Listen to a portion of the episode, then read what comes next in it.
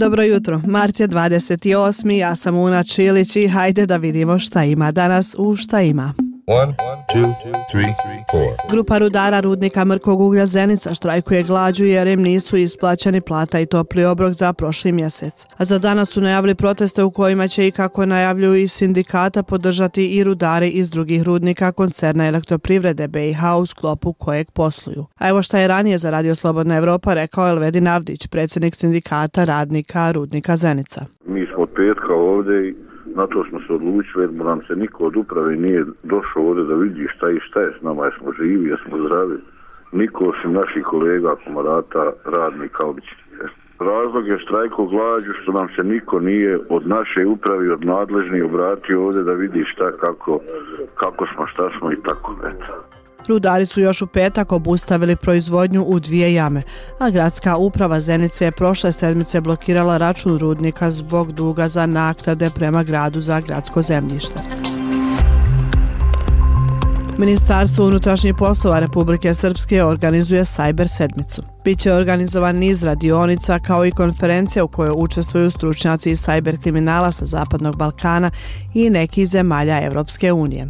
A za više detalja Leila je pitala Mirnu Miljanović, načelnicu odjeljenja za odnose sa javnošću MUPA Republike Srpske. E, također na ovoj samoj konferenciji će se izmijeniti iskustva i prezentovati studije slučajeva sa kojima se susreću policije iz regije, e, takozvanog ransomware, koji iz godine u godinu zauzma jedan od e, najčestalijih oblika cyber kriminala, ali isto tako analizirat ću se i slučajevi takozvanog e, cyber terorizma, odnosno prijetnji koje prije svega dolaze e, na elektronske pošte i uglavnom se odnose na javne institucije. A sada nešto za studente i učenike. Svjetska turistička organizacija i razvojni program UNDP-a u p-a BiH pokrenuli su studentsku ligu pod nazivom Van Staze, a cilj je stvaranje veza između studenta, vlada i kompanija. Grupa studenta radit će na izradama projekata koji pokazuju kako turizam može da doprinese ruralnom razvoju, boljem razumijevanju različitih kultura i njegovanju mira. Prijave će biti otvorene do 16. aprila za timove učenika srednjih turističkih škola i studente do diplomskog studija turizma i ugostiteljstva.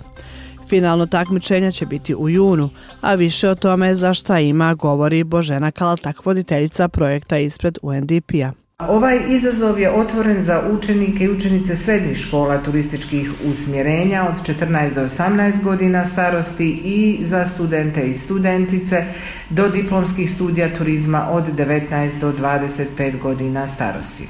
Četiri najbolja tima iz svake kategorije plasirat će se na finalno naticajne Final Four u Bosni i Hercegovini. Ovogodišnji izazov je Off the Beaten Track – to jest mimo utabanih staza, a tema je turizam u službi ruralnog razvoja.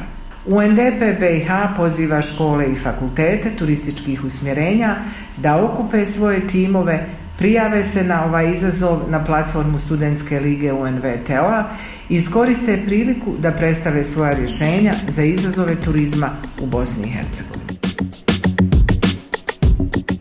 I još jedna, ali veoma važna stvar za kraj. Ne koristite mobitel dok vozite. A što ovo kažem?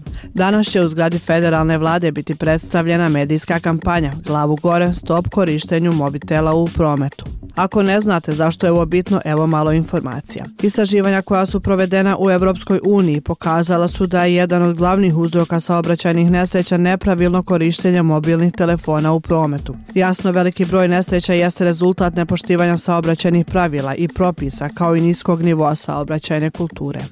Prema podacima Bihamka, tokom prethodne godine u BiH je došlo do 31.321 saobraćajne nesreće u kojima su život izgubile 222 osobe. U ovo se vjerovatno negdje ubraja i pričanje na telefon, tako da imajte na umu. Uglavnom, kampanju provodi Federalno ministarstvo prometa i komunikacije u saradnji sa BH Telekomom i HT Aeronetom od 2. do 30. aprila. Eto, to je to ukratko za danas. A sve ostalo saznajte na slobodnaevropa.org. Ja sam Una Čilić, čujemo se sutra u Šta ima podcastu. Ćao!